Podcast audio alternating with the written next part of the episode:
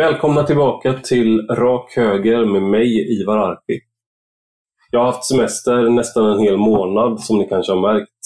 Det var inte riktigt tanken att det skulle bli så länge, men eftersom jag inte haft semester på så lång tid så var det nästan nödvändigt. Jag hoppas att ni har haft en bra sommar. Min har bestått av att röja sly, lära mina två äldsta barn att simma och cykla och att läsa Himmel och helvete av John Kalman Stefansson som handlar om isländska fiskare. Så nu ska jag försöka ställa om hjärnan till arbete och till valrörelsen. För har den inte varit märkligt avslagen? Mina vänner är såklart inte något tvärsnitt av befolkningen i stort, men när vi pratar om valet så är det ingen som är särskilt hoppfull eller peppad på något av alternativen. Självklart föredrar jag det högra blocket om jag måste välja, men det är någonting med valet i år som är... Ja, jag vet inte. Jag får återkomma till det. Troligen i text de närmsta dagarna. I dagens podd pratar jag med Leonidas Aretakis. Till vardags är han chefredaktör för Flamman som är en oberoende socialistisk tidning.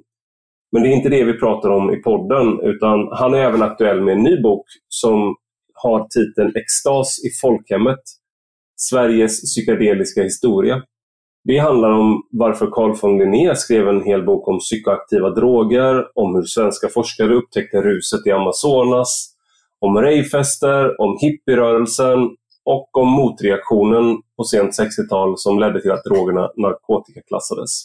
Det handlar också om lovande studier som visar hur olika psykedeliska droger kan hjälpa mot depression, ångest, trauman, kanske till och med Parkinsons. Det finns mycket intressant forskning som görs just nu.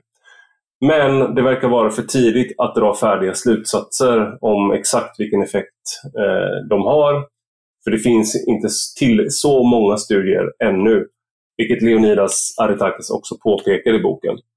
För det är en balanserad bok och jag tycker att det blev ett balanserat samtal. Jag har själv aldrig prövat någon av drogerna som vi talar om, men det har Leonidas gjort i research för sin bok, vilket också beskrivs i boken. Det är en fascinerande historia som man får följa med på och jag hoppas att ni tycker att samtalet är lika spännande som jag tyckte att det var. Men nu till dagens gäst. Du lyssnar på Rak Höger med mig, Ivar Arpi.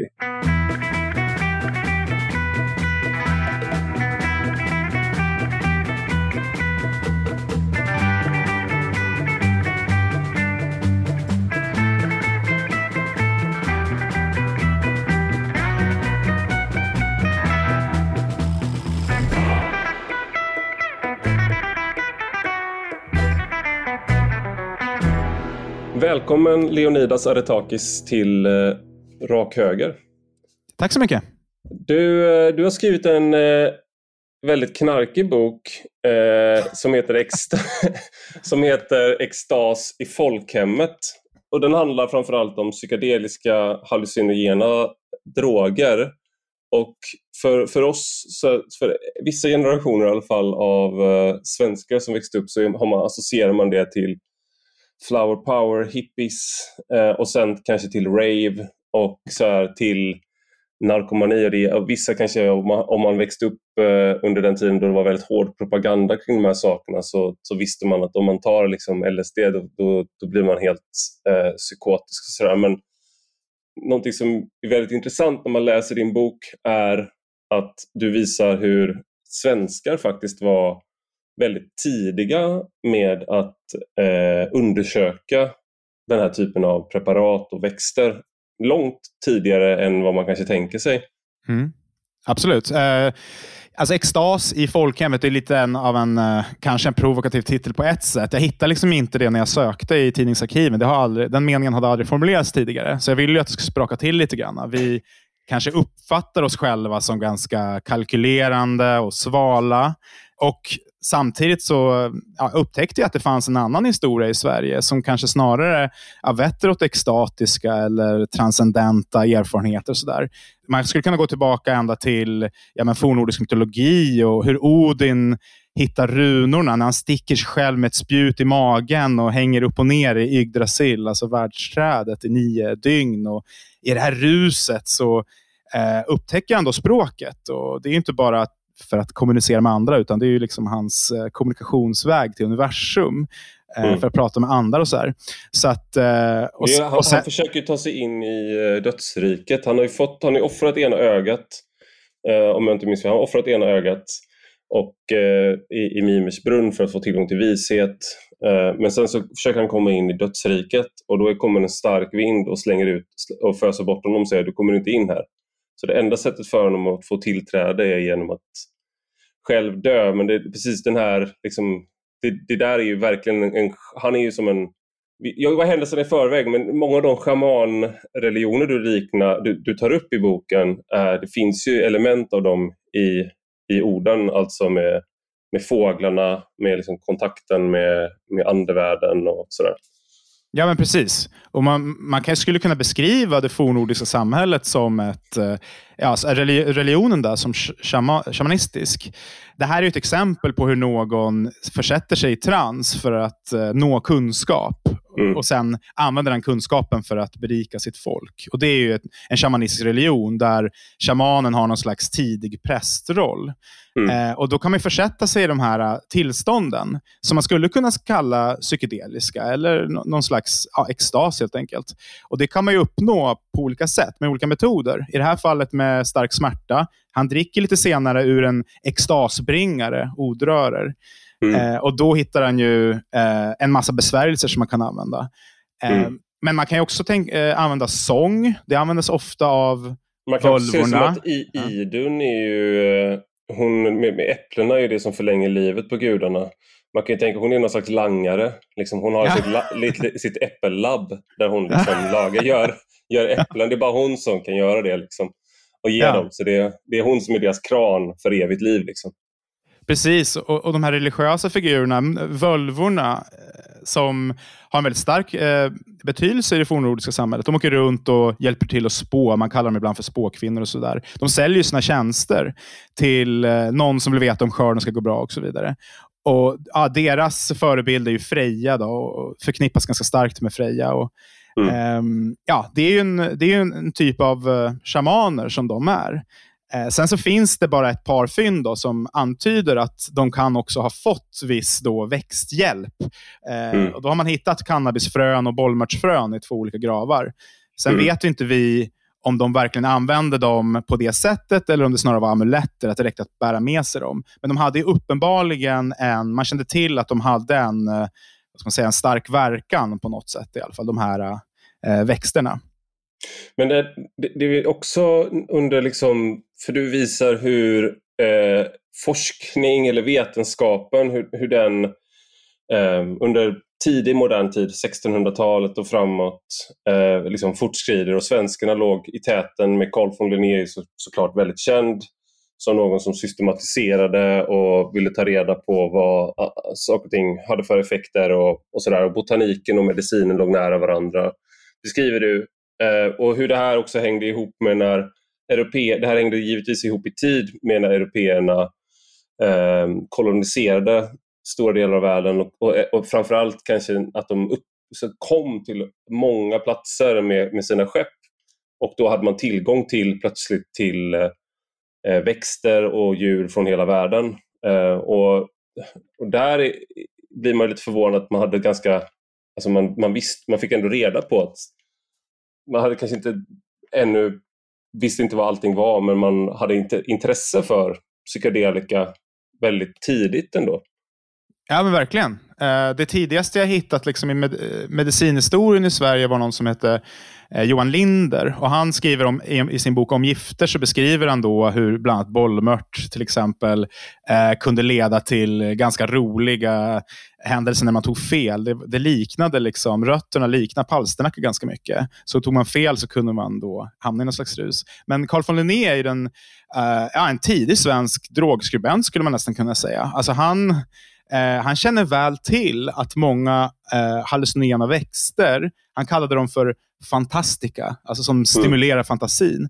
Han, han kände till att de kunde användas för att stilla det vi idag då kallar eh, psykos eller depression. Då kanske man använder andra begrepp. Men det beskriver han i sina böcker. och Han har till och med skrivit en hel drogbok som heter Inebriantia, mm. som betyder rusmedel. Eh, som är, vad jag vet, världens första globala drogöversikt. Eh, och Han skriver ju väldigt positivt om de här olika drogerna. Han, han beskriver någon gång så här, hur harmelbuske, då, eller syrisk ruta som det också kallas, eh, användes för att uppnå tillstånd där man då sittande på Pegasus flugit genom molnen och den färgrika regnbågen och spisat hos gudarna. Det är otroliga, otroligt färgstarka beskrivningar. Och ja. Det, man blir förvånad över att han tillät sig själv att prata så om de här substanserna. Men han, samtidigt han ser som han ju väldigt tråkig ut. Alltså det, man, tänk, man har ju liksom som, man har så konstiga föreställningar ibland om en viss typ av människor i historien, att de hade andra uppfattningar än vad de faktiskt kanske hade.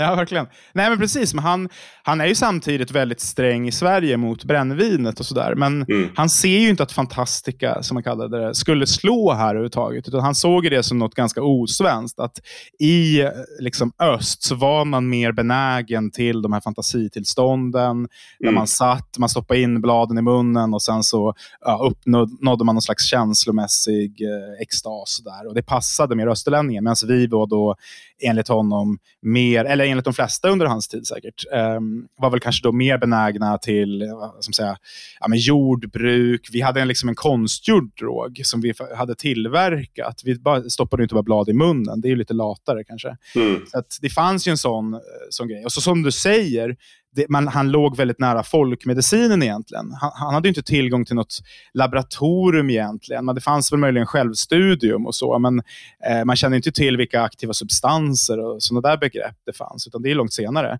Istället så hade han ju tillgång till hela världen via kolonialsystemet. Mm. Då han kunde göra precis samma sak som de grekiska lä läkarna från antiken, det vill säga samla ihop folkkunskaper. Men han gjorde det på en helt annan skala och det var ju det nya. Det var det som möjliggjorde hans systematik. Och människor, eh, inte bara svenska såklart, men eh, du beskriver, det var med, med risk liksom för, med livet som insats flera gånger att hans lärjungar åkte ut, drabbades av sjukdomar och dog. Men han var inte nöjd. Han ville att de skulle eh, lära, det räckte inte med, liksom, med att de eh, systematiserade och beskrev hur någonting såg ut, utan de skulle också ta reda på hur används det, liksom, de skulle liksom leva och vara nära och förstå eh, för att liksom för att också kunna systematisera och kunna förstå med, liksom, hur, hur andra kulturer fungerade men också då hur man använder till exempel en, en växt eller en svamp eller sådär. Ja men exakt. Så det är en tidig etnobotanik skulle man kunna säga. Så man skulle prata med läkare, men också med folket, delta i olika ceremonier och sådär. Carl von Linné etablerar ju då eh, Sverige som ett eh, otroligt starkt land inom ja, det man kan kalla etnobotanik. Alltså hur mm. olika kulturer använder olika växter. Och Det här är ju något som kommer tillbaka senare i historien, under 60-70-talet, då Sverige återigen blir världsledande. Mm. Eh, och Vi har också ett universitet, som, eh, alltså Karolinska institutet, som ja, det grundas i början av 1800-talet. Det finns en, en historia där som vi ja, kanske inte måste gå in på nu, men man kan åtminstone nämna att en farmakolog där, eh, som heter Carl Gustav Santesson, han blir först i världen med att uh, undersöka magisk svamp i ett laboratorium. Det här är 1939. Mm. Så det finns såna, man kan göra sådana nedslag där man ser liksom att det här intresset finns hela tiden där. Och det blommar ut eh, starkt just som sagt då, på framförallt 60-talet. Eh, jag tänkte vi ska, vi ska gå in på det mer moderna historia. Eh, jag tänker bara den här, innan vi gör det så tänker jag, vad är, när man pratar om psykedelika, för när, när Carl von Linné och, och liksom 1700-talet, 1800-talet, alltså det finns ju en, det är en så stor mängd. Du beskriver bland annat att eh, eh en, av, ett av, en av institutionerna för det här blev under en period blev så, liksom, var så otroligt mycket växter som togs in att det var svårt att bedriva undervisning. ja, eh, för att man liksom Psykologen på KI, ja. Ja, och de, de, var, han var, de var så entusiastiska med liksom att få dit växter från hela världen att det bara liksom trängdes överallt. Och de hade även ett rum där man då kunde göra egenstudier. Vilket ju känns eh, väldigt... Eh, jag, jag, vet inte om det hade passerat så etisk eh, prövning idag kanske, men eh, det var en annan tid. Eh, men nu idag när man pratar om psykedelika, då är det några, framförallt några stora saker som man, man pratar om. och jag tänkte några, några saker som, som man pratar om är psilocybin, eh, MDMA, DMT, LSD, ecstasy, ayahuasca och kanske andra saker. Jag tänker, kan inte du bara snabbt förklara för vad, det, vad är det man pratar om och, eh, och varför pratar man om dem? Ja, ja men definitivt. Vi kan väl starta med ordet drog nästan om vi ska vara riktigt krångliga. Alltså, ja. Under 1800-talet så betydde det ungefär samma sak som växtmedicin. Alltså en växt som påverkar kroppen i någon riktning. Eh, man skilde det från då beredning som var något, eh, en skapad medicin, labbskapad medicin. Om någonting var läkande eller skadligt, då, det var ju snarare en fråga om dosering. Eh, och Det är en klassisk kemisk grundsats. Eh, så att, det gick ju förstås att missbruka opium, då, till exempel, för att ta en sån 1800-talssubstans. Men det går ju också att använda det som något lugnande eh, inom medicinen, då, eller att bruka det för nöje och så vidare. Så man ens talar om vissa ämnen som skadliga i sig, det är ju något nyare fenomen och något som delvis är politiskt. Eh, och inte riktigt vetenskapligt motiverat. Men vi precis, använder det ordet. Precis, ja. det, här, det här är väl någonting, drog och drug. Drug på engelska har ju inte samma innebörd som på svenska heller. Utan där är det ju, inbegriper det ju också eh, medicin. Alltså en drug company är ju inte ett drogföretag eh, utan det är ju ett medicinföretag. Så ja, där har de behållit den här öppenheten. Liksom. Ja, precis. Mm. Så där finns ju liksom, där ser man etymologin där att det egentligen så är Idag kan du få opioider utskrivna mot smärta vilket är en jätteberoendeframkallande drog. på, mm. när, när, om du, eller det är knark, narkotika om du, om, du, om du köper det på gatan eller liksom inte via en läkare. Men du kan få det utskrivet. Så här, många av de här uppdelningarna, som, nej, som du säger, det är politiskt. Men ja, förlåt, mm. jag avbryter. Fortsätt. nej, ingen, nej, det är ingen fara. Det är, det är helt rätt. Jag håller med. Och, om man ändå använder ordet av praktiska skäl då, då så kan man väl ja, tänka in det här och, så att det kan behålla en viss töjbarhet. Då. Och då, kanske, då kan man också skilja mellan uppiggande droger, alltså kaffe, amfetamin, socker kanske, mm. eh, och så vidare. Eh, lugnande droger som ja, heroin, opium och så vidare. Och hallucinogena droger skulle man kunna säga är tre grundkategorier. Eh, och den sistnämnda kategorin är ju sådana som inte främst då inriktar sig på kroppen, utan framförallt på att förändra medvetandet. Och Där har vi ju några, som du nämner, du nämner magisk svamp. Där har vi det aktiva ämnet psilocybin. Och det här är ju en, det är ett ämne som kan ge starka hallucinationer, det kan ta oss närmare våra känslor. Vissa får en eh, känsla av närhet till naturen. Eh, man kan få en uppruskad upplevelse av tid och rum eller av kroppsliga känslor som värme och kyla. Så här. Man kan ha svårt att prata med andra, göra sig förstådd eller förstå vad andra säger. Eller planera hur man ska gå från A till B och så vidare. Så Det skapar en stor förvirring helt enkelt som vissa i historien har liknat vid en psykos. Och Det kan ju vara farligt också om man inte är på en trygg plats eller om man inte mår så bra eller stabil. och Så där. Och så har vi en effekt på runt 6-8 timmar. Då. Och magiska svampar växer ju på många håll i världen. Det växer även vilt i Sverige. Där toppslät vi toppslätskivling. Uh, och Det är något som man inte... Och även röd flugsvamp. Och de, har ganska, de har olika aktiva ämnen och sådär, men eh, båda växer ju vilt i Sverige. Och framförallt flugsvamp är ju känt sedan innan att det kan ge de här effekt, den här ruseffekten. Och Det går ju också tillbaka till ja, shamanistiskt bruk i åtminstone då delar av Sibirien. Men eh, mm. huruvida man kände till toppslätskivlingen historiskt, det är, det är mer oklart. Jag har inte hittat några sådana beskrivningar. Det är i alla fall svamp. då. Och psilocybin är det, är det verksamma. Det är också så här, man, när man pratar om de här sakerna så har du å ena sidan kan du ha ett gatunamn för mm. någonting mm. som ecstasy, men då är det MDMA man pratar om. Och LSD är också det är en annan, det är en annan drog och i det så är det, verkar det på ett annat sätt. Och sen har du psilocybin då som är det, är det verksamma ämnet men som finns i många olika typer av svampar och eh, liknar LSD och DMT men är inte exakt samma. Jag, jag, jag kan bara erkänna, jag, jag, är, jag, har aldrig tagit något av det här så jag, jag är liksom en... Jag, jag har läst mig till äh. eh, vad det handlar om. Men äh. okej, okay, så, så plötsligt då de här, de här, de här är allt som du visar i boken också. De här, flera ja. av de här sakerna som vi idag har olika namn för har funnits och utforskats av det man... Eh, det finns liksom inget en bra urfolk, alltså na, na, naturfolk tror jag kanske är nedsättande nu för tiden, men Ja. folk, Ja, men urfolk, kulturer- absolut. Ja, Ja. precis. Folk och liksom, eh, kulturer runt om i världen och, och man har liksom och nu så kan vi, har vi möjlighet att, att framställa det på, på kemisk väg eh, eller odla och, och sådär. Stämmer bra. Ja. Och folk har använt det i religioner. Och, och svenskar var väldigt liksom, var, världs, var, var bland liksom spjutspetsen i forskning vad gäller sådana här eh, droger. Och sagt i den breda bemärkelsen av droger då, men, och vad de kunde ha för effekt. Och sen hände något på Mm. 60-talet. Först i början av 60-talet så var folk väldigt positiva. Det pågick mycket experiment. Det, det verkade som eh, att man kanske skulle komma någon vart med de experimenten. Vissa kanske inte var, hade så hög kvalitet. Du tar upp ett exempel på när man hade 12 deltagare. Eh, en religiös sammankomst. Sex av dem tror jag det var som fick, eh, ja, nu glömmer jag vilken av dem det var.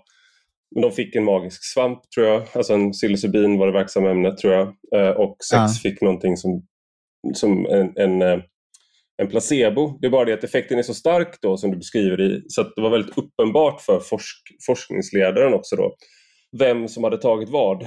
Så det var inte, så den typ, det fanns många experiment och det fanns många experiment som inte haft så hög kvalitet i det avseendet.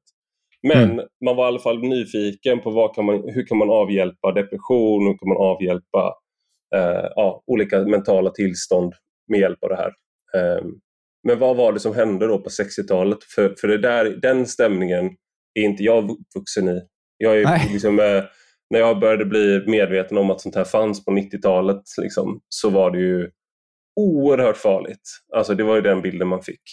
Ja, det, det genomfördes verkligen spektakulära experiment. Eh, jag tror att du syftar på eh, långfredagsexperimentet, Ja. eller Good Friday experiment, eh, som var på Harvard-universitetet. Och Det här var i en kyrka. då. Man ville se om det kunde sk- återskapa så mystiska upplevelser. och så. Och de här Mm. vid Harvard, just den forskningen, det var jättemycket bra forskning som skedde också, men just den forskningen blev ju allt mer våghalsig och ibland kunde experimenten vara rena cocktailfesterna, liksom där, där även eh, eh, forskarna deltog och tog eh, substanserna. Så det blev liksom, det spårade Det ur var, lite grann. roligt, det var roligare att vara forskare på den tiden helt enkelt. Men, verkligen. Och så, så forskar man ju inte idag vid KI kan jag ju säga. Men Nej. eh, hur som helst. Eh, nej, men det, var en total, det var en väldigt stark öppenhet som överraskade mig när jag skrev boken också. Och, jag blev väldigt glad av den på ett sätt, för det finns ju hela tiden den här bilden av eh, folkhems-Sverige som så grått och svartvitt. Bara, liksom, det var ju bara Mm. TV, TV var ju svartvitt, men, det, men liksom, livet i övrigt var ganska färgstarkt ändå, verkade det som. Och bara för att ta något exempel, så 1965 så visade man i SVT en dokumentär som hette Gifter som påverkar själs, själslivet. Eh, och Det var liksom eh, på finaste sändningstid, det var deras stora vetenskapsprogram. Eh, det var taget, framtaget av Ingmar Leijonborg som senare blev chef på TV4 då, och Bengt Feldreich, alltså så jättenamn. Sådär. Och då, då skickade man in, dels så hade man då hela den här psykedeliska forskningseliten i Sverige med i programmet som fick förklara på olika sätt hur, hur ämnena verkade och sen vilka förhoppningar man hade. Och så visade man också en injektion då av en drog som heter DMT. Och Det är en substans som finns lite överallt i naturen. Den finns med i ayahuasca bland annat. Det är den aktiva eh, substansen där. Men den finns också i vass och lite överallt. Sådär. Eh, och Den här drogen eh, eh, gav man då en apotekarstudent och så fick man se då personens rus i, i tv. Och Det här var alltså 1965, mitt, mitt på 60-talet. då, Och det var också, kan man säga, början på någon slags psykedeliskt öppen period mellan ja, 65 och 67, som man ibland kallar då någon slags hippie-era, som du Mm. själv nämner. Då, där ja, LSD är en substans som vi kanske inte har nämnt så mycket. Det, den liknar ju svamp till effekterna och den varar lite längre och sådär. Och den tas fram i ett labb. Um, och den, om man ska nämna vilken forskning som bedrevs då under den här ganska öppna och kanske ibland lite våghalsiga tiden, så fanns det ju kanske tre grenar framför allt. En gren var ju då den militära forskningen. Och I USA var det ju väldigt spektakulära experiment. Eh, som, ja, bland annat satte man upp bordeller med spegelglas och så anlitade man prostituerade att locka dit män som blev, fick eh, ta, ta drinkar spetsade med LSD. Och så satt CIA-agenter på andra sidan glaset och antecknade effekterna. Och så, där. så det var Helt otroligt naturligt, fullt naturligt. det var otroligt naturlig situation. Ja, verkligen. Låt den som inte har haft sex bakom ett, liksom, framför CIA-agenter samtidigt som man tagit en LSD, LSD-tripp kasta första stenen. verkligen. Så den här, och det här, jag vet inte hur mycket den svenska militären kände till av det här, men man visste att det forskades på det här. Och, och, och man kan säga att LSD är otroligt starkt. Det, det utmärker det, bland annat. Då. Så att ett kilo LSD är tillräckligt för att slå ut eh, hela Sverige, eller för att få, ge hela Sveriges befolkning ett eh, normalstarkt rus.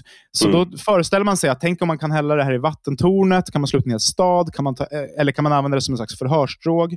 Och det mm. här var eh, den här forskningen pågick bland annat i Sverige. Då den militära forskningen. Och Det var en jazzmusiker som heter Björn Nets. Eh, jag beskriver hans historia i ett kapitel. Då, det är väldigt spektakulärt. Han spelar med Monica Zetterlund, han åker runt på folkparksturnéer och så vidare.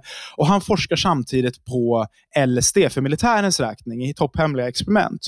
Och Då försöker man just ta fram en förhörsdrog eller se om man kan öka hypnotiserbarheten eller suggestibiliteten som det heter. Ingick att man måste lyssna på hans musik då också? I princip, för han bjöd ju in eh, jazzmusiker och andra från kultureliten till att delta i de här experimenten. Och okay. Där ser man ju återigen hur, eh, ja, bland annat eh, sådana som Öyvind Fahlström var, tittade förbi där hemma hos honom. Så han tog ju hem han tog hem LSD och sen så kunde man ta det där vid hans eh, röda köksbord eh, hemma i lägenheten. Så att den här forskningen ja, blev ju delvis då urspårad. Och han började också skriva såna psykedeliska, alltså Björn Netz, den här eh, militärforskaren, han började också skriva såna här psykedeliska manifest. Bland annat då med eh, Öyvind Fahlström som var hemma hos honom. Det är ju efterkrigstidens kanske största svenska konstnär. Eh, väldigt känd internationellt också. Och, så och Han var ju också en sån här eh, förespråkare för psykedelika, men som konstnär kanske det är lite mindre konstigt. Då. Men de skrev ju då manifest i Dagens Nyheter. Ytterligare tecken på hur öppet samtalet var fram till då ungefär där 1967. Ja, det är i alla fall en forskningsgren. Sen kan man nämna de andra två lite snabbt. kanske då. Det är dels det psykiatriska. Om man ska säga det mest spektakulära som skedde där, för det var ganska småskaligt, men på flera st stora svenska sjukhus. Men bland annat så genomförde man experiment med LSD på barn. Eh, så det var barn mellan 9 och 11 år, eller 12 år, som tre stycken som fick eh, det i Falun. För att behandla eh, ångest eller anorexi och sånt där.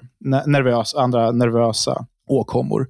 Men hur som helst, eh, den här forskningen var också ganska småskalig. Det skedde också på sådana som var intagna på olika hem och så.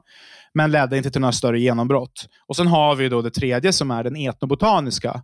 Som eh, ja, rakt nedstigande led från Carl von Linné. Där eh, svenska forskare vid KI åkte in till Amazonas och Eh, åkte runt med flodbåt, stannade till hos olika eh, samhällen och mm. eh, testade, stoppa i sig olika blad, snusor och annat för att testa om något kunde vara aktuellt att prova i labb i Sverige. Jag tror att det här var när jag, alltså min första dejt, då var jag, eh, jag tror jag var 11 år.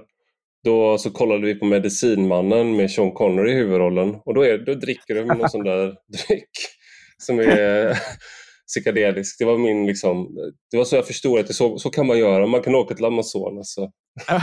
och, och han, han, som, eh, han som den filmen med Sean Connery eh, liksom bygger på, han heter Richard Schultes. Och mm. Han är liksom kanske 1900-talets st största etnobotaniker. Han var med på den här resan med då den svenska professorn Bo Holmstedt. Så att, eh, så att Sverige var ju med i världseliten helt enkelt kan man säga. Och de, det de behövde hjälp av Sverige med, det var just den kemiska kompetensen. Att han var botaniker, han kunde liksom inte ta det där steget för att se vilka aktiva substanser kan sedan användas medicinskt. Utan där kom svenskarna in i bilden. Uh, och en annan person på KI som var med i samma forskningslag Uh, han forskade på kaktusar och lite annat. Han hette Stig Agurell. Han blev sen vd på Astra.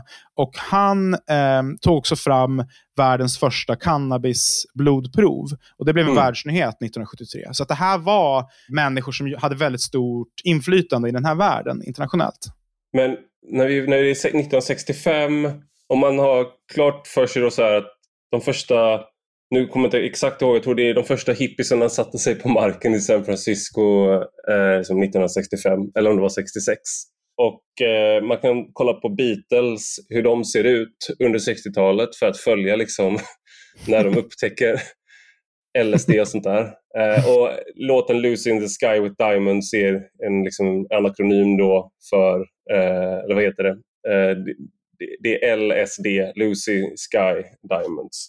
Eh, och, sådär. och Den här ungdomsrevolten som sker 1968 framför allt och som då väldigt tätt associeras med den här, liksom, ta, ta eh, vidga dina sinnen med droger och sådär. Då, då blir det liksom i USA så kopplas drogerna ihop med att man blir anti-etablissemang, att man vill liksom riva ner, att det är revolutionärt. Och stämningen förbyts väldigt snabbt där. Och i Sverige så sker, så sker någonting liknande fast tvärtom.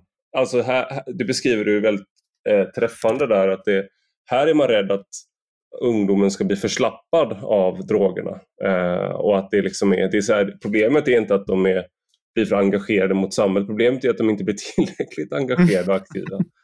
Exakt. Så det är egentligen tvärt, tvärtom. Men, men på, på, båda ställena så ser man det som eh, att det förstör ungdomen. Och då så lägger, så lägger, och det är en del i det. Och sen är det de här experimenten som har gått överstyr. Så då läggs liksom forskning i, forskningen i träda i princip i 40-50 år nästan. Under väldigt lång tid i alla fall.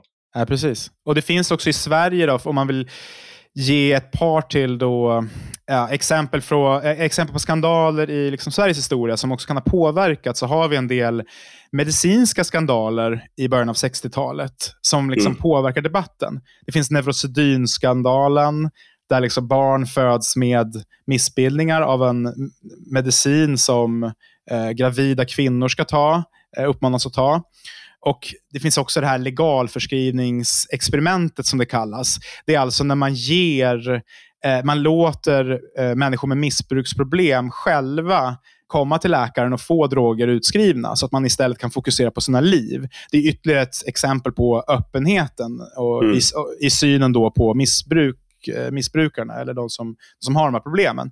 Eh, att ja, vi litar på dem och sen så, eh, om vi bara hjälper dem så kommer de komma på fötter. Men det blev ändå lite skandal kring det och det var någon som var med i programmet som dog i en överdos. Eh, så att det fanns de här eh, de här aspekterna också. Och i Sverige uppstår ju såklart också, precis som i USA, då, den här stora, breda ungdomsgenerationen som gör uppror mot föräldrarna. Och där mm. också missbruk då letar sig ner, ser man, när, när det är liksom folk på jobbet som tar amfetamin eller hemmafruar som går ner i vikt och så vidare, eh, som tar preludin. Då är det inte lika kontroversiellt. Men när det letar sig ner till ungdomen, då blir man lite mer rädd. Då. Men eh, ja, precis. Det, det är ungefär de, de, faktorerna som ligger bakom att det liksom, de här substanserna skandaliseras mer och mer under 60-talet. Och kommer också på kant på något sätt i Sverige med vänstern. Som har, alltså I Sverige har vi den här väldigt starka, det finns ju det puritanska USA förstås, men det är ett annat land. Och här har vi de här folkrörelserna, nykterhetsrörelserna, som är väldigt mm. starka. Och delar av vänstern är ju också väldigt puritansk och kritisk till, eh, ja, till droger. Då. Så att, ja, precis. Det, det, letar, det blir aldrig någon riktigt stor grej att, att psykedelika blir, brukas väldigt, väldigt brett i Sverige. Men det blir en väldigt stark symbol för någonting. Symbol för ungdomar som ja, inte tar sitt demokratiska ansvar och är ute och protesterar mot Vietnamkriget exempelvis. I USA var man tvärtom, som du, precis som du säger, var man tvärtom rädd för att de skulle eh, tappa tron på föräldragenerationen och inte vilja åka i krig. Liksom, att istället för att ta droger. Så ja, det är den här motsatsen som du nämner. Och Det är intressant, för det i sig blir ju en, ett bevis på det här som Aldous Huxley, författaren, myntade, det här med set, setting. Att du har liksom själva drogen och sen så har du kontexten, hur det intas att det är skillnad på att till exempel eh, vara, med på en sån här, du ska få beskriva vad en ayahuasca-ritual är liksom, och vad det är man, och sådär. Men det är skillnad på att göra det under kontrollerade former och att göra det på ett rave till exempel. Och det är skillnad på att röka cannabis med förväntningen att det ska lindra en smärta och att röka cannabis med förväntningen att, eh, eh att man ska bli hög som ett hus och det ska vara roligt på en fest. Och det är skillnad på om du förväntar dig att alkohol, vad det ska göra för dig också. Att om du dricker på krogen till exempel, eller om du... Det finns ett folk i, i Sydamerika där man, de, de dricker väldigt mycket men det sker aldrig någon... Eh, det sker liksom inget våld i samband med att man dricker för att man dricker under helt andra former.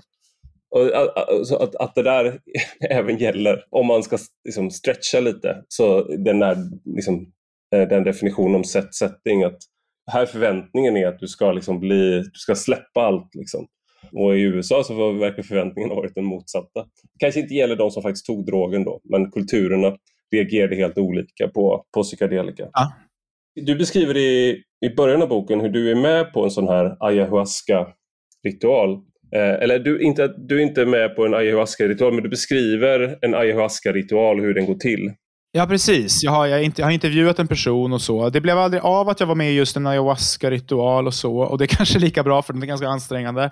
Jag var ja. själv med om en, eh, en svampritual däremot, eller en eh, vad ska vi kalla det för? Det är en, en slags kurresa eller självutvecklingsresa som genomförs av några psykologer i Sverige. Eh, då åkte vi till Holland och det var ju, det var ju lagligt då. då i, man tror att allt är lagligt i Holland, men det är det faktiskt inte så. Men däremot är magisk svamp i formen av tryfflar lagligt. Så det var det mm. vi tog.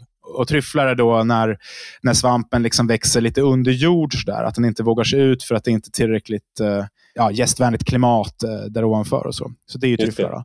Och det, här är alltså, det här är alltså resor som, eh, som då, det finns en för, förening man, som anordnar de här resorna. Och man, du kan, kan du inte beskriva hur, hur, vad, är det för, vad är det för typ av människor som åker på en sån här resa och liksom Ja, och det är lagligt. Och vad gör man?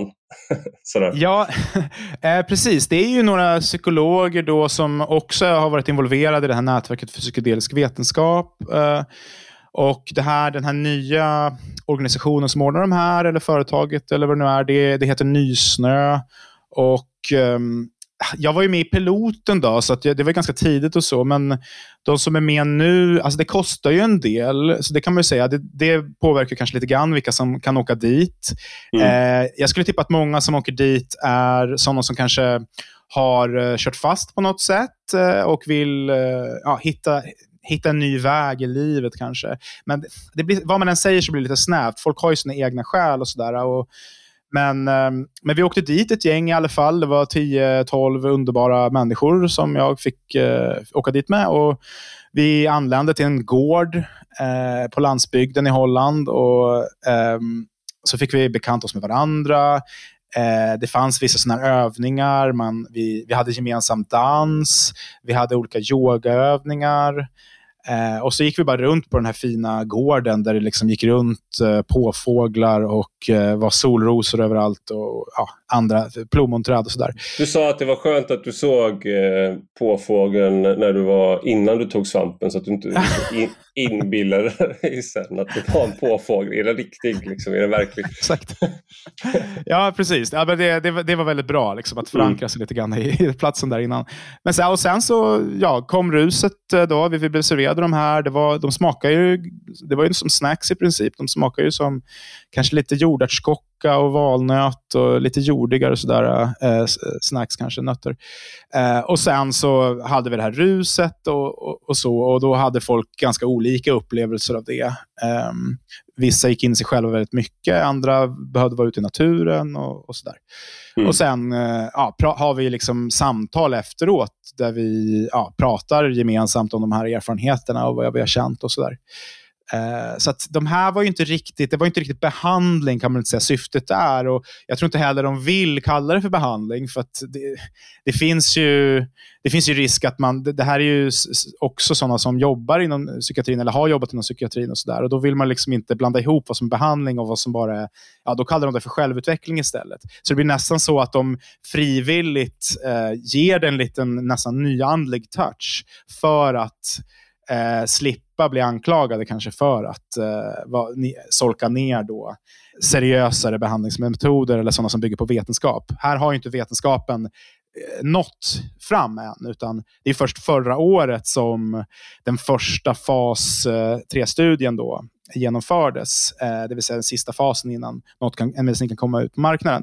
Så att, eh... Vad visar den? För det, det, är väl det här som nu, vi nu är framme i, där man nu har liksom startat upp forskningen igen efter eh, många år i träda. Då. Du, du, du tar upp eh, Michael Pollen eh, som en av dem som har liksom, inspirerat eh, folk att göra det, som skrev Psykedelisk renässans som finns utgiven på Fri Tanke.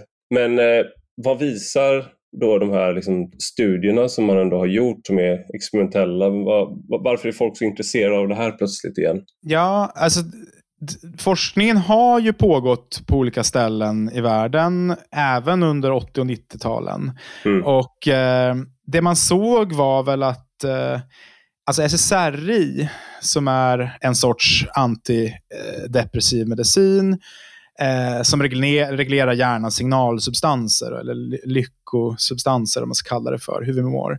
Det är, ju, det är den vanligaste formen av antidepressiv medicin, då, SSRI. Och eh, uppåt en miljon svenskar tar någon gång under eh, sina liv eh, en antidepressiv medicin.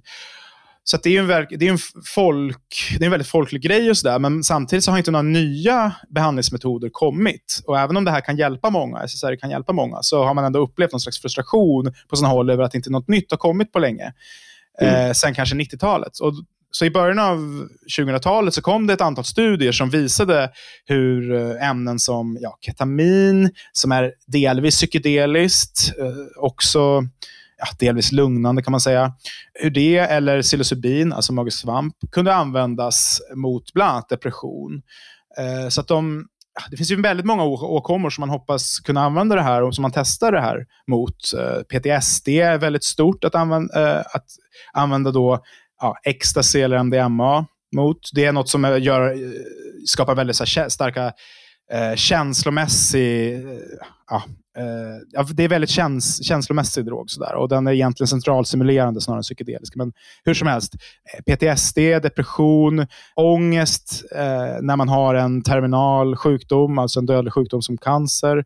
Så det finns väl, eller, eller missbruksproblem eller substansberoendeproblem. Så det finns väldigt många olika användningsområden och man hoppas ju på något vis att det här eh, omruskande tillståndet kan eh, göra att vi blir mer ja, men tillgängliga för andra sätt att tänka. Alltså att väldigt ordnade mentala tillstånd, som till exempel depression, att man är helt övertygad om att man inte är värd någonting eller att man aldrig kommer bli lyckad eller vad det nu är. Eller kanske att man är, ja, men jag är bara beroende, jag är en, en missbrukare, jag, om jag mm. bara rör en flaska kommer jag liksom börja dricka. Alltså väldigt låsta tillstånd. Att man liksom kan hjälpa till att luckra upp det med, med hjälp av eh, ett väldigt så här kaotiskt tillstånd som uppstår, nästan psykosliknande tillstånd som uppstår när man har ett starkt psykedeliskt rus. Eh, och sen, inte, sen har, vi, har de inte ännu nått fram, men de har, de har alltid nått väldigt lyckade resultat. Men det måste ju på något vis gå lite längre tid och fler forskare som kanske inte själva brinner allt för starkt för de här substanserna måste komma in. Det är det som sker i Sverige nu på Karolinska institutet. Där är det ju helt vanliga seniora forskare inom psykiatrin som har intresserat sig för de här, för man, man ser att det har väldigt goda resultat. Så att det är på väg framåt, men det går ju mycket långsammare eh, inom forskningsvärlden. Det sättet att ta fram kunskap är ju ganska långsamt och det kanske är bra så. Men det gör ju också att eh, ja, entusiasterna då hittar andra sätt. Och det är där de här uh, ayahuasca eller magisk svampresorna kommer in, som väldigt många ja, åker på. För att man känner mm. så att ja, jag vill bli hjälpt nu. Jag kan inte vänta tio år på något som kanske hjälper 5% av befolkningen, utan jag vill, jag vill testa någonting nu. Mm. Nu kanske vi har låtit som att vi är eh, båda två. Eh, jag kanske har ställt frågor så också, men som att man är otroliga förespråkare för, för de här drogerna.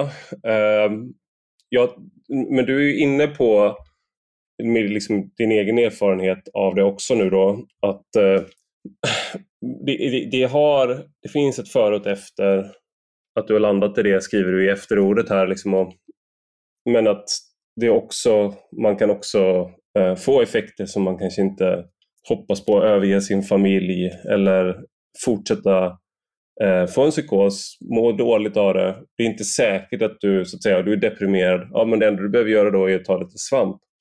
Det är inte så enkelt kanske. Eh, och det är väl det, där forskningen förhoppningsvis kommer, vi kommer veta mer.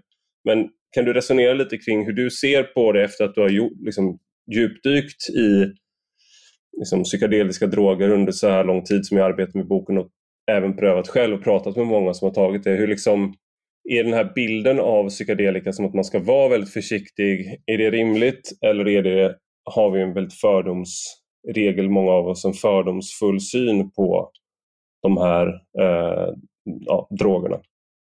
Ja, det är, men det är verkligen både och. och jag försöker liksom landa någonstans där också, som du säger i efterordet också. Att så här, visst hade jag upplevelser som jag kommer ha väldigt stark hjälp av bilder, eh, kän, liksom, känslor som har uppstått som eh, ja, men som jag ändå kan titta tillbaka på och känna att ja, men det är bra, de har berikat mitt liv, de här bilderna och de här erfarenheterna. Samtidigt som eh, jag känner att mycket av det som jag upplevde som hjälpsamt i eh, ett par av rusen, det är också sånt som jag har tänkt på själv i flera år och som därför mm. kanske jag hade kommit fram till ändå och som man kanske ska komma fram till ändå. Man kanske inte ska behöva ta eh, LSD för att känna den ena eller den andra känslan. Liksom. Utan man kanske ska kunna resonera sig fram till saker ändå. Då. Men ja, det finns ju väldigt många sådana, förutom de risker du tar upp, så finns det liksom också många som åker på sådana läger. Det har ju funnits fall av övergrepp när man liksom tar väldigt starka droger inför en shaman då, som ska vara en slags andlig ledare. Man kanske inte vågar säga ifrån för man vill inte förstöra en viss stämning och så vidare. Vilket ju kan ge ja, det kan ju skapa grogrund, då, eller vad ska man säga, skapa en situation som kan vara sätt farlig. Och där ser vi också hur vad ska man säga, den här gräsrotsrörelsen kring de här substanserna också försöker ta ansvar. Det finns organisationer som tar fram guider, hur, vad ska man tänka på innan man åker på en sån här resa, ta med en mm. kompis eh, och så vidare. Så det finns ju. Gå aldrig hem själv eh, efter klubben. Alltså jag kollar upp i förväg och sånt där. Liksom. Ja. Så det, är ju, det är ju väldigt bra. Så vi ser någon, någon slags sån där, de, där liksom, den miljön försöker ta lite ansvar. Men eh, det, är klart att, eh, det är klart att det finns en liksom, övertro kanske på vissa håll kring att det här bara ska lösa alla, alla problem i världen och så vidare. Och det, det tror jag ju verkligen inte på. Jag tror också att utöver den här medicinska potentialen, som verk, ja, den tror jag verkligen finns. Eh, men utöver det så finns det också människor som hittar in i det här nu, som investerar i det här, som sådana som Peter Thiel, som liksom är väldigt nära den amerikanska militärmakten. Han är ju dels en dels en väldigt stark så här, libert libertariansk person, men också eh, en person som har ansvar för militär övervakning vid mexikanska gränsen. Och ja, men, Många i den psykedeliska rörelsen undrar ju så här, vad vill han i det här? Liksom? Och mm. Han har använt väldigt starka patentmetoder där han liksom försöker ta patent på allt möjligt. Som att sitta i ett eh, dunkelt rum med eh, lite lugn musik och eh, ta eh, psilocybin.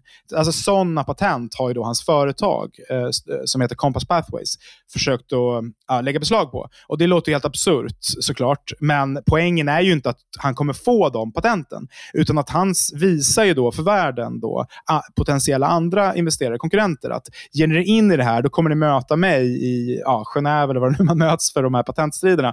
Så att, eh, så att det är ett sätt att spänna musklerna och avskräcka, vilket kan stoppa stoppa då, för kanske kan förhindra innovationer också. Så det, det är liksom både och eh, med det där. Och, och, Jag tror också att, vi pratade om hippierörelsen tidigare, Mm. Och Det är där den här psykedeliska kulturen som vi pratar om någonstans eh, har sitt ursprung, alltså under efterkrigstiden. Den hippierörelsen eh, utanför San Francisco. Och, så där. och det är ju alltså, det är där, det är på de här platserna som också de tidiga internetföretagen hade sin, tog sin början. Alltså många, Steve, Steve Jobs och alla möjliga Google-grundarna och så vidare, de nämner ju just sina erfarenheter med LSD som liksom grundläggande för liksom uppstartandet av deras företag. Och Många av dem har ju det som företags, liksom, vad ska man säga, att, uh, personalvård i princip. Att man åker på Burning Man, alltså åker iväg och på någon sån här dansfestival med starka psykedeliska inslag för liksom att eh, ja, hänga och eh, möta andra i branschen och byta visitkort och idéer och sådär. Mm. Så att jag tror ju också att den här nya vågen kan vara ett uttryck för hur den platsen, Silicon Valley, har blivit ett av världens största maktcentra idag. Och Det är klart att då kommer de också utöva ett väldigt starkt kulturellt inflytande i världen. Och Det är också en del av det hela. Så, här, så, att, så därför är jag liksom hela tiden kluven. Det finns ju sån här um, skämt som cirkulerar om Joe Rogan. Att det är liksom, oavsett vem, vilken gäst han har så avbryter han dem och bara “Have you ever taken DMT?” eh, och sådär. För att han pratar alltid om, liksom, om de här psykedeliska drogerna och samma med eh, och han är ju liksom den största podcasten fortfarande tror jag i världen. Eh, så att har, han har ju påverkat många och Sam Harris som för många kanske mest är känd Eh, fort, jag vet inte om det är så fortfarande, men han var väldigt känd som religionskritiker förut i alla fall. Men nu är han ju väldigt känd också för att han eh, har en meditationsapp och eh, pratar väldigt mycket om ja, mindfulness, vipassana, alltså han pratar om eh, olika meditationstekniker men också om psykedelika och eh, vad, hur de kan påverka och sådär. Så den typen av, i podcastvärlden, den här liksom, ofta män, ofta liksom, som är lite utanför men också har väldigt många som lyssnar på dem, eh, har pratat positivt om de här sakerna. Eh, och, och för, ganska förutsättningslöst ändå har jag uppfattat det som att de ändå, man ser, okej, okay, de är inte helt urballade. Så här, den här nidbilden av någon som tar de här sakerna stämmer inte på de här människorna i alla fall. Det har nog gjort sitt också, tänker jag. Mm. Ja, men och, och, eh, för att återknyta till det du sa tidigare, det här med de fördomar som finns och så vidare. Man ska ju också då, efter att ha pratat om farorna och det där, ändå nämna att de här substanserna är ju inte beroendeframkallande. Eh, de är inte heller toxiska, alltså de är inte giftiga för organismen. Det går inte att dö av att ta dem. Eh, det går att göra något dumt när du tar dem, mm. så att säga, och det av andra skäl. Men, så att det finns ju också saker som gör... Även, det, visar även så här, tester på, på djur. Att tar, om du har stopp, ger en mus, eh, får välja mellan vatten med lite näring, alltså socker, eh, sockerlösning, och eh, ja, någon heroin eller någon annan eh, drog kokain, ja vad som helst. Ja, men då tar den det andra, den, den, andra grejen för att de blir så himla beroende. Så de dödar sig själva. De tar livet av sig själva helt enkelt. Istället för att välja då näringsinnehållet. Men när de får välja mellan en psykedelisk substans och en sockerlösning, då, tar, då, då testar de den psykedeliska substansen en gång och sen bara, nu eh, tar jag det andra. det där var, jag vet inte vad det där var, men jag tror jag, tror jag tar sockerlösningen. Och så är det också väldigt, väldigt starkt för människor. Alltså det är nästan motsatsen till beroendeframkallande. Tar du det en gång så har du inte en effekt dagen efter nödvändigtvis. Du måste vänta ett tag. Och du vill vänta ett tag. För du känner att du har ganska mycket att bearbeta. Det är i alla fall det, det vanliga. Så man mm. kan också eh, nämna de där sakerna och, för att bara ge en helhetsbild. Och Sen så ja, fattar ju folk sina egna beslut och sådär. Men det är verkligen vad känner du själv? Kommer du, kommer du, ta, kommer du ta, ta det fler gånger eller är du, är du nöjd? Alltså jag har ju väldigt stor respekt för det, um, men samtidigt så... Det handlar ju väldigt mycket om det här, men du, du, du nämner set and setting, liksom. alltså förväntningar och miljö. Och mm. eh, om, man, om de är på plats, då, då blir det också ganska tryggt. Du ska vara på en trygg plats. Det är inget du kanske måste göra på fest eller med en massa främlingar eller någonstans där du inte är van vid att vara. Utan är du hemma i soffan och liksom har uh, musik och kanske någon vän som kan vaka eller sådär. Då, då blir det, det hela mycket tryggare istället. Så, där. så att, det, man vill, undvika, det man vill undvika är den här fearing and loathing in Las Vegas-känslan där han är på en bar och alla plötsligt är dinosaurier eller vad de är. Ja, liksom... nej, det är inte behagligt. Det är inte behagligt. Eh, och så. Men det, och det, jag tror verkligen starkt på den där idén om hur mycket, hur mycket det påverkar med förväntningar och miljö. För att, eh, den mest använda psykedeliska substansen i Sydamerika, eh, enligt många forskare i alla fall, det är tobak. Och Det är något som vi idag inte ens förknippar med eh, en psykedelisk effekt. Men aztekerna till exempel tog tobak. Eh, de, de, använde, de använde någon, bland annat en metod som ja, ett lavemang, alltså ett hallucinogent lavemang, eller vad man ska kalla det för, då, som, eh, som bestående av tobak. Och Då är det klart att om du får den där snabba skjutsen och du har en rituell miljö och förförståelse, ett sammanhang, då kan du såklart uppnå precis samma effekt. Och, så. Mm. och Det gjorde, kunde man även göra med tobak i Sverige. Det finns sådana berättelser från 1600-talet i Sverige, när man i någon slags tobaksrus eh, kunde få otroliga så här, undergångsvisioner och sånt. Det, det berättar jag bland annat om i boken. Och Det är ganska intressant hur hur det inte nödvändigtvis måste sitta i substansen, utan det är också något som man kan uppnå på andra sätt. Till och med med, då med, som sagt, med dans, med musik, med smärta, med Fasta. Ja, festa, fasta, alla möjliga sätt. Ja. ja, precis. Ja, men du tar upp en intressant... Det här är också en sån där... Eh, jag bara tänker på det här med liksom vad man är beredd att kämpa för. Häromdagen så var det någon som länkade på Twitter så här, det här är den dummaste striden som någonsin har utkämpats. Det var striden vid Karansebes mellan Habsburgska riket och Ottomanska riket. Känner du till den här striden? Nej. Ja, men det var i alla fall, eh, det var, de väntade på att osmanerna skulle komma fram. Eh, och då eh, bestämde alltså, sig... Är det någon Gates of Vienna? Är det den ja, det, nej, det är inte historien? Den. Liksom. Nej. Mm. Det här är 1788. Ah, okay. Och mm.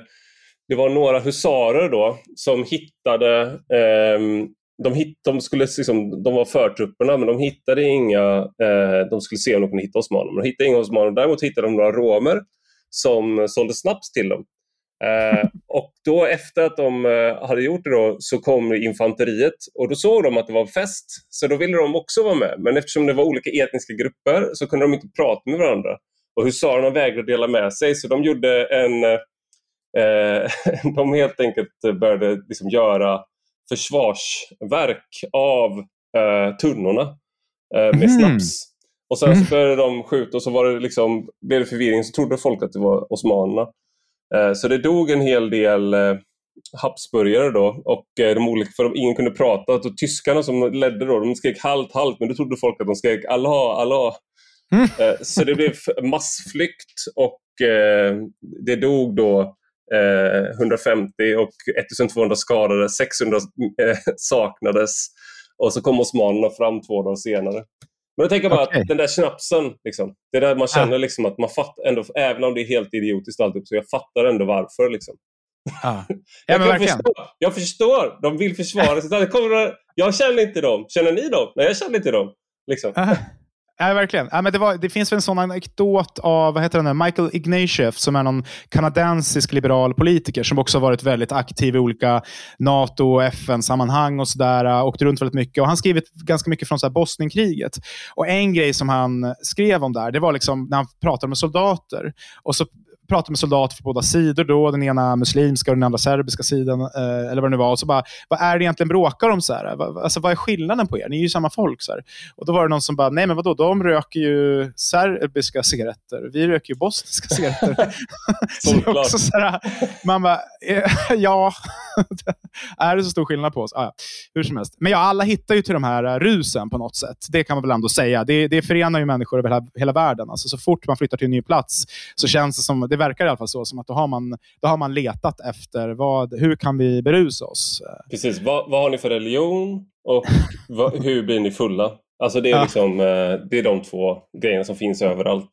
Men det var det jag tänkte också fråga dig om här. för att Någonting som du, som du är inne på i boken är just den här bilden av västerlänningar då som, eh, och svenskar som, som förståndiga, rationella, kontrollerade och det passar liksom inte då med de här eh, drogerna där man spejsar ut och sådär. Utan det passar då, säger man, på, man säger att det passar österlänningar och det är den här klassiska bilden av det sensuella, lite liksom slappa öst som dominerade mm. tidigare, alltså där det finns harem, det är mycket njutning, förföriskt och liksom sådär. Och de klarar inte av disciplin och sånt där. Däremot så har de väldigt mycket vis, vishet och sånt där. Eh, och Det här finns ju liksom i de här resorna som man gör då till exempel, som, om man inte tar droger bara utan man tar också meditation, alltså medvetandeförändrande resor. De går ju fortfarande österut. Det finns mm. fortfarande mm. en sån föreställning skulle jag säga av den gamla föreställningen finns i det här. Fortfarande skulle jag säga att man åker till Indien, man åker till andra delar av världen där man på något sätt har ett mer autentiskt liv, där man är närmare naturen eller där man är närmare liksom medan vi då i det tillknäppta väst liksom, och också kanske dekadenta väst, dekadent i bemärkelsen liksom att vi, vi har kommit bort från vår sanna natur. Ja. Och, det där, och där finns fortfarande skulle jag säga. Jag, med, jag, jag ska, nu låter det som att jag själv distanserar mig helt från det. Jag tror att jag, alla som lever i, i väst har en del av det här. Om man kollar på en film som Avatar ja. och, tycker, och, tycker den är jättebra så är man ja. liksom, alltså det, det, finns hela tiden närvarande de här bilderna. Men, men, skulle du säga att det fortfarande är så att vi fortfarande har de här vad ska man kalla det? Ja, men, eh, vi kan kalla det koloniala föreställningar om öst men också då en ganska dyster syn på oss själva som tillknäppta. Ja, det skulle jag nog säga. Alltså det, här, det går ju tillbaka otroligt långt. Vi nämnde Carl von Linné och liksom, det, här, det är någonstans framväxten av den moderna sta staten. Och mm. kanske då protestantismens framväxt, eller någon slags, när, när kristendomen blir statsreligion och man kanske det finns ett intresse av att styra upp någon slags enhetlig moral i hela landet. Om man nu ska vara en ha en stat. Så där passar ju liksom både kyrkan och staten ihop lite granna. Och där blir ju de här folkliga, kanske delvis extatiska föreställningarna, där blir de väldigt, man ser suspekt på dem helt enkelt. Och man, man börjar ifrågasätta dem. Och eh, där spelar ju samerna en viss roll i svensk historia. För, för när man koloniserar norra Sverige så riktar man just in sig på deras eh, ja, men shamanska religion. Och man förbjuder de här trummorna som de använder för att försätta sig i extas och nå de, här... De kristendomen här på 1500-talet för att de ansågs för krigiska. Man använde trummor i, även i, i Sverige men under senmedeltiden så förbjöds de för att det var, de uppmuntrade, alltså politisk korrekthet gone mad fast på 1400-1500-talet där man, kyrkan förbjöd det för att det var för äggande. Så därför mm. har vi ingen, inga trummor i svensk folkmusik. Nej, Nej men precis. Och, och, när man, och när man sen då koloniserar Sápmi så blir det dödsstraff på att spela de här som man kallade det för, då, trolltrummorna. Mm. Så att man gick ju rätt på eh, deras religiösa och vad ska man säga, andliga eh, ledarskap. Då. De som höll ihop eh, berättelserna om folket och som hade en, massa kunskap om naturen och andevärlden och sådär. Mm. De gick man rätt på. då blir det också så att man, isoler, man tar bort, skär bort det från vad, idén om vad som är svenskt. Mm. Och Det där är något som återkommer hela tiden. Det återkommer i efterkrigstidens drogdebatt när jazzmusiker kom från USA och tog med sig cannabis till exempel. Så som ofta var då svarta, så framställer man det som något främmande, något osvenskt. Eh, och Nils Bejerot som är en sån, ett känt namn, men det var, det, det var ju fler än han, men en av de föregångarna då för den här svenska mer eh, repressiva drogpolitiken. Han använder ju sådana argument hela tiden. Han pratar ju om olika drog eh, regioner i världen. Där vi liksom har mm. då precis den här orientaliska, eh, lata, eh, hallucinogena, känslomässiga inställningen. Så opium, eh, den här liksom bilden av eh, kines, en kin, kinesisk så opiumsylta, eh, liksom, där folk ligger och är helt förslavade under opium på något sätt. Det är liksom typiskt ja. öst, tänker man, och glömmer av opiumkrigen som gick ut på att det där var liksom en, det var meningen att det, skulle, det där skulle ske. Ja, att man ja, utkämpade krig för att få sälja opium till, till Kina. Men fortsätt med vad du var inne på där.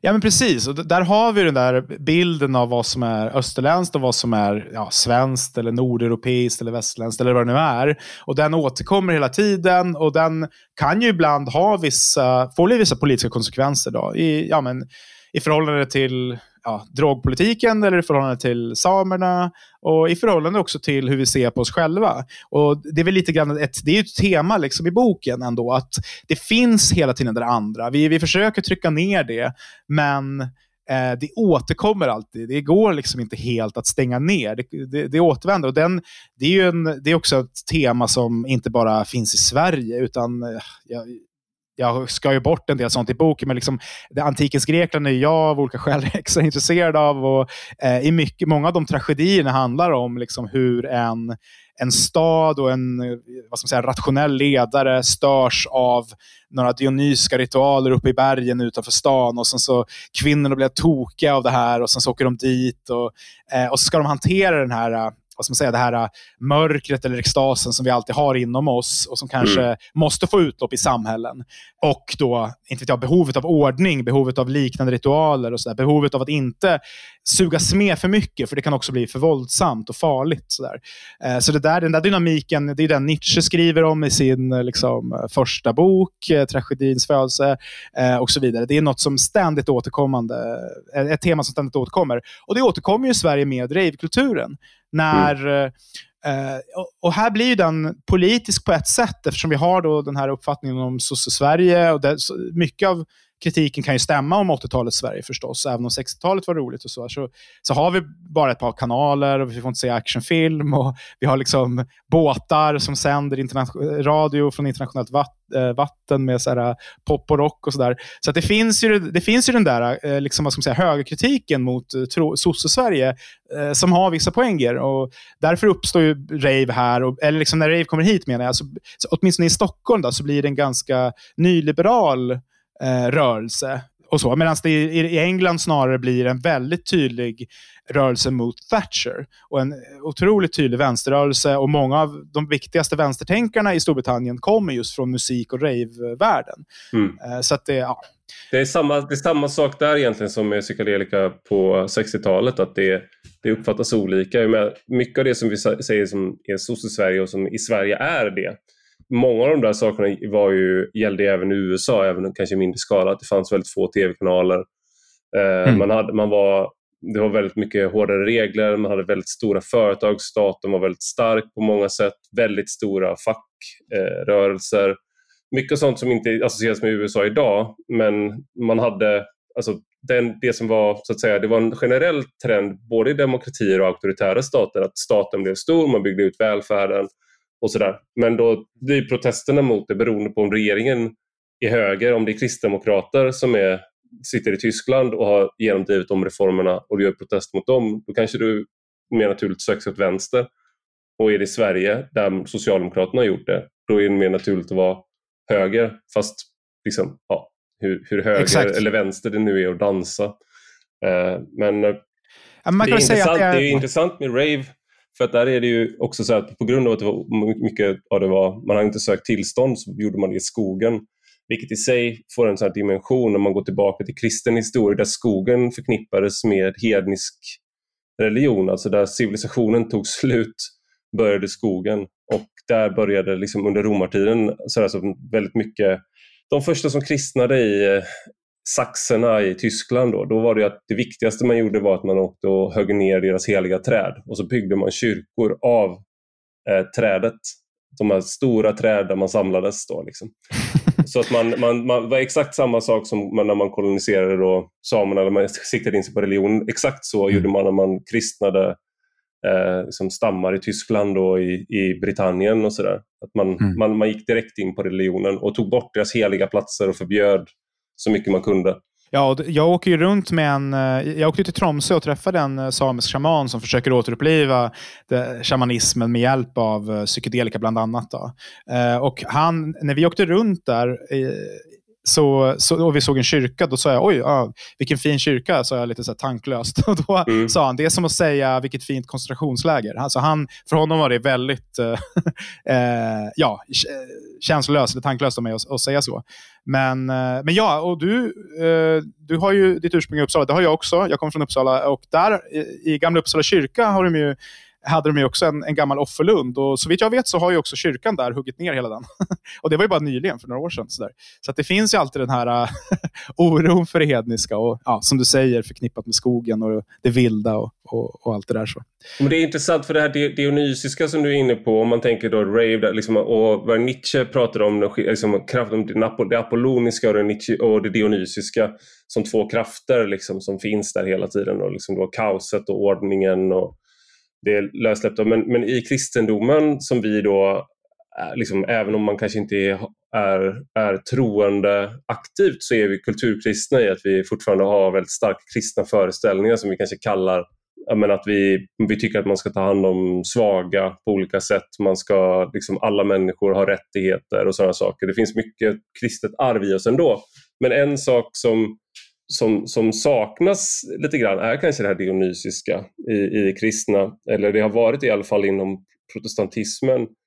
Eh, och, ja, det har, men, och det kanske har varit en saknad i, har funnits en saknad där, eh, kanske. Jag tänker också på, jag, vet, jag tror jag vet hur du ska komma in, jag bara tänkte säga liksom att många av våra bilder av demoner, av djävulen och sånt där kommer från eh, gud, gudomar som beskrivs i Gamla testamentet och liknande som ofta var till exempel Baal som var en fruktbarhetsgud. Alltså man har liksom hela tiden haft den här konkurrensen från liksom att djävulen har horn och liksom att det finns en koppling till Pan till exempel. Det finns kopplingar till just det dionysiska i hur vi ser på det demoniska krafter. Och då liksom att, jag vet inte om det finns en sån därför blir man också, när man släpper loss på det sättet som man, då måste, som man gör automatiskt när du tar psykedeliska droger till exempel, så associerar man den kontrollförlusten till det här är bara min egen spekulation, jag har ingenting sådär, men det, är någonting som jag tänker att man, just den kontrollförlusten i sig är liksom okristlig på något sätt. Men, mm. men du, du har en, du, du tänkte invända där lite grann. Nej, alltså du har ju, du har ju helt rätt. Sådär. Och så, men, men sen eh, finns det ju också den andra historien, även om man, man kan göra samma sak med kristendomen som jag har försökt göra med Sverige. Och det finns ju en historia av mystik inom eh, kristendomen också. Och den försöker ju ibland eh, vissa kristna tänkare återuppliva. Eh, till exempel Nathan Söderblom skriver om den levande guden och sådär. Där, där han mm. liksom ändå framställer den extatiska historien hos kristendomen som något väldigt eh, ja, men fint och som man kanske ska göra anspråk på ändå och som man inte ska tappa bort. Utan som ska föras in då i det, den organiserade och kanske lite lugnare religionen. Då. Och den där, den där set, åter... Set, setting i kristen kontext då? Ja, och det finns ju olika sådana metoder för att be som man kan, skulle man kunna kalla för extatiska eller ja, hallucinogena på något sätt, men med andra medel. Att man, man eh, munkar kan till exempel svälta sig själv, eller eremiter tar sig ut i extrema förhållanden för mm. att liksom på något sätt plåga kroppen tills man då ser en högre sanning. Och Det där återkommer hela tiden. Och... Det är inte ultramaraton du pratar om? Då. För det, det är annars en annan Om jag skulle försöka mig på det så skulle jag hallucinera. ja, men jag tror det är Haruki Murakami som skriver om det, när han i den här, vad jag pratar om när jag pratar om att springa, den boken. Att han, eh, han springer varje dag, liksom, jag tror han, springer, han, han har liksom en bestämd sträcka, han verkar vara en sån OCD-människa, eh, väldigt vanlig, väldigt inrutad. Men han, han ställer upp ett sånt 10 mils lopp och då ungefär efter, jag tror efter sex mil så börjar han gråta okontrollerat. Och bara liksom, han, han tappar liksom alla de här spärrarna som vanligtvis finns för känslor. Så att bara känslorna bara kommer och sköljer över honom hela tiden. Mm. Uh, och det är liksom så som han beskriver det, de här sista fyra milen, då, vilket i sig är ett maraton, liknar ju, alltså det, den upplevelsen måste ju, jag, jag, vet inte om det är, måste det, men jag tänker mig att det är någonting som sker i hans hjärna där mm. som uh, är som en, någon typ av drog, eh, fast det, mm. fast det då sker utan att man tillför någon, någon substans. Mm. Ja, men om man tittar på de här molekylerna som vi har pratat om, DMT, psilocybin, LSD och så vidare. Alltså de liknar hjärnans signalsubstanser väldigt mycket. De är nästan identiska. Mm. Um, alltså serotonin till exempel, som är en lyckoreglerande substans som finns i hjärnan. DMT finns överallt. Det finns till och med i kroppen på något vis. Eller uh, liksom kroppen kan skapa det. Så det, det, är ju någonting här som inte vi ännu har upptäckt, där det finns en sån här koppling. Så det är ju väldigt, det är väldigt spännande. Och sen, ja, som sagt, i det kristna, jag menar, det, det som händer sen, då, det är ju det är ju att de hela tiden försöker återvända till det här. Och på, på 60-talet, när de ser liksom att ungdomen söker sig till det österländska, som du näm precis som du nämner. Alltså Beatles börjar få långt hår och, eh, och alla åker till Indien på långa mm. resor och sådär. Då känner man så här, då känner ju kyrkan, eh, eller många i kyrkan, att oj, vi håller på att tappa ungdomen. De är ju andliga sökare. De letar efter något högre än det här äh, materialistiska och heltidsjobbandet och, och så vidare. och så vidare eh, Som delar av ungdomsgenerationen då vände sig emot på något sätt. Och då äh, eh, då söker de sig dit. Varför kommer de inte till kyrkan? Alltså, vi har ju allt det här. Så att, eh, då, och Då försöker de ordna såna här eh, konferenser om kemi, eh, liksom, kemisk mystik och psykedeliska kvällar på olika kyrkor i Stockholm och sånt där. Och det, är, och, och det bildas psyk, eh, psykedeliska rockband med kristet tema och sådär. Så att de försöker liksom haka på det där. Och det går ju tillbaka långt. Liksom. Frikyrkorna, det är ju väldigt extatiska eh, kristna eh, rörelser. Där, ja. ja. men, du känner ju till det här när man blir dräpt i själen eller talar i tungor och allt vad det heter. Ja, det, har, det, finns ju den här, eh, apropå rave och sånt där, eh, musik, mm. eh, han är en ensamband, men musikgruppen Familjen eh, låten Det snurrar i min skalle som jag rekommenderar alla som gillar elektronisk musik att lyssna på. Den videon är det är extatisk kristendom. Jag tror det är lästadianer som talar i tungor och faller. Alltså de dansar i videon, men det är ju liksom då, det är klippt på det sättet. Men det är ju en ja. svartvit film från just ett, liksom, den extatiska kristendomen skulle man kunna säga då när man uppnår ett annat, liksom en, en kontakt med Gud. Då. Och hade, man kommit som, eh, liksom, hade man kommit som antropolog med tropikatt fast dit och liksom, så att säga, eh, bortsett från att det var ens egen liksom, eh, folk såg ut som en själv och sådär, eh, då hade man ju beskrivit det på något liknande sätt som man gör, gör, har gjort med urfolk så att säga. Ja, den... och det görs. Eh, det, ja. finns en, det finns en forskare i, jag tror att det är Uppsala universitet, som heter eh, Jan-Åke Alvarsson. Jag vet inte om han är professor emeritus nu eller vad det är, men han, eh, han har forskat på både då de sydamerikanska urfolkens dro, drogbruk, eller religiösa drogbruk och sådär, och då på den pentakostala rörelsen, som är en sån rörelse med extatiska inslag. Och mm. Det finns jättemånga sådana det finns jättemånga såna bryggor och, och mycket sån intressant forskning och så.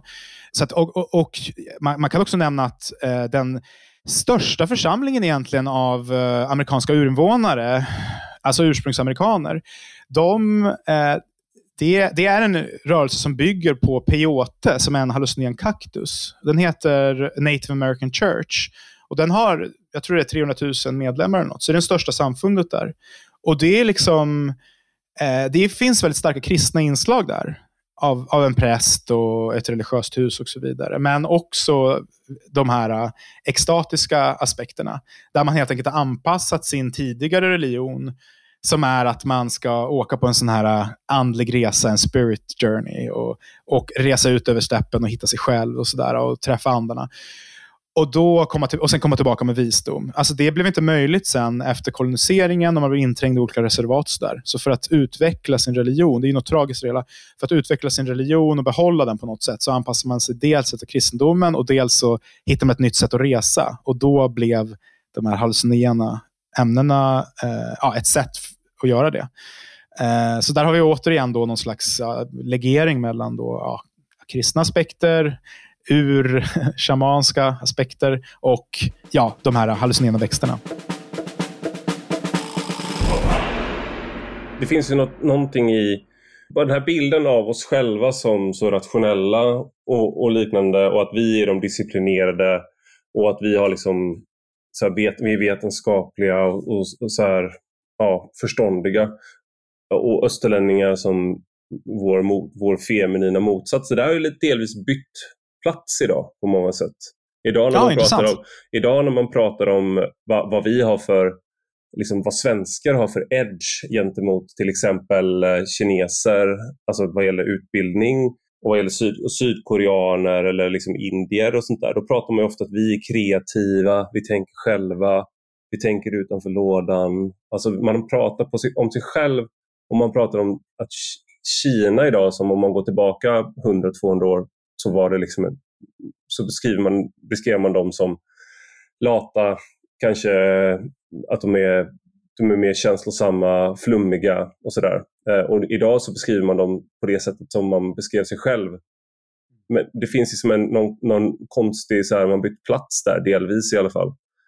Jag tror att det ligger jättemycket i det. Ja, förlåt. Nej, men jag, jag, jag tänker på det med eh, det finns ju någonting som du beskriver i, som finns en sån konflikt i hela tiden i den här när, man, när västerlänningar ger sig ut i de här liksom, koloniala äventyren. Att å ena sidan så är det ett oerhört förtryck på många platser och, och sen också att man för med sig sjukdomar i synnerhet i eh, den nya, nya världen, då, Sydamerika och Nordamerika och slår ut väldigt mycket människor på det sättet. Men sen eh, liksom det här att man man vill betvinga folk, man använder dem, man tar dem som slavar, man tar deras resurser, människor, liksom hela folk utrotas liksom och sådär. Men att det samtidigt finns, det samsas med den här att man tycker att de är, har mycket att lära oss, att det finns eh, liksom att folk upptäcker, alltså västerländska vetenskapsmän och präster och liknande, att man upptäcker saker man anser har gått förlorat eh, i väst och att man kan kanske tvärtom, som några du tar upp där, att de beskriver hur det är de vita européerna som är liksom lata, eh, elaka, fula, fula, skitiga och elaka ungefär.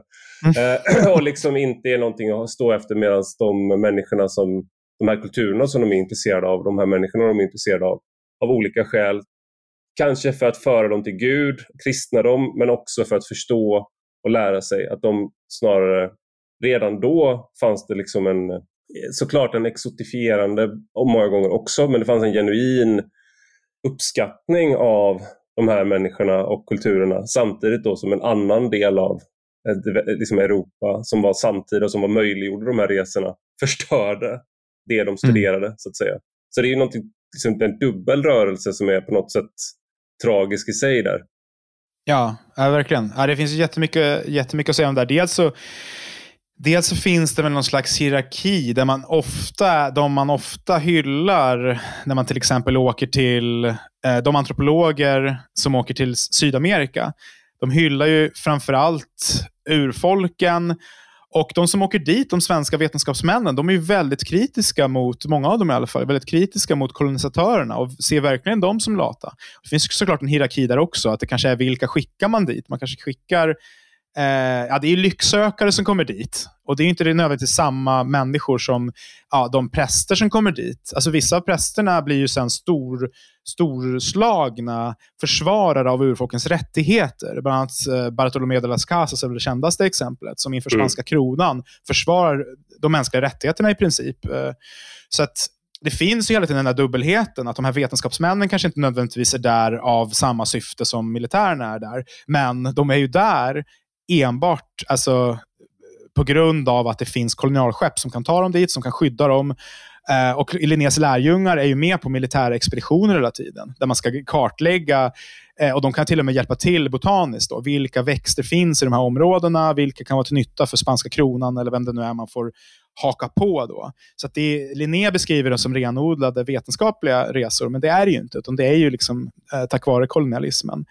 Eh, och, och, där framställer man ju däremot alltid de svarta eh, slavarna som otroligt lata och skitiga och väldigt negativt. Så det finns mm. någon slags hierarki där ändå.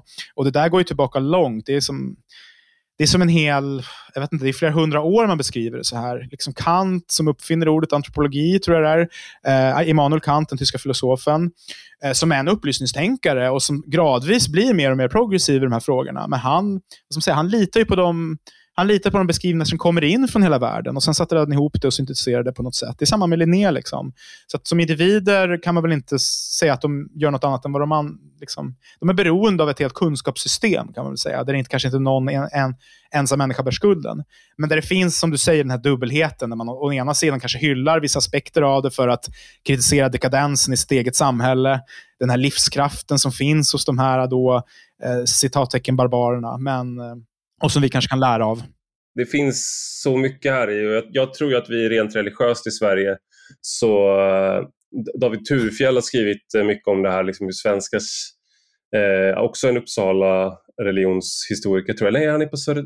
Förresten, uh, I alla fall, han skrev mm. en bok som heter Det gudlösa folket som handlar om svenskars religiositet. Sen skrev han också en bok om liksom, vår, liksom, naturen som religion i Sverige.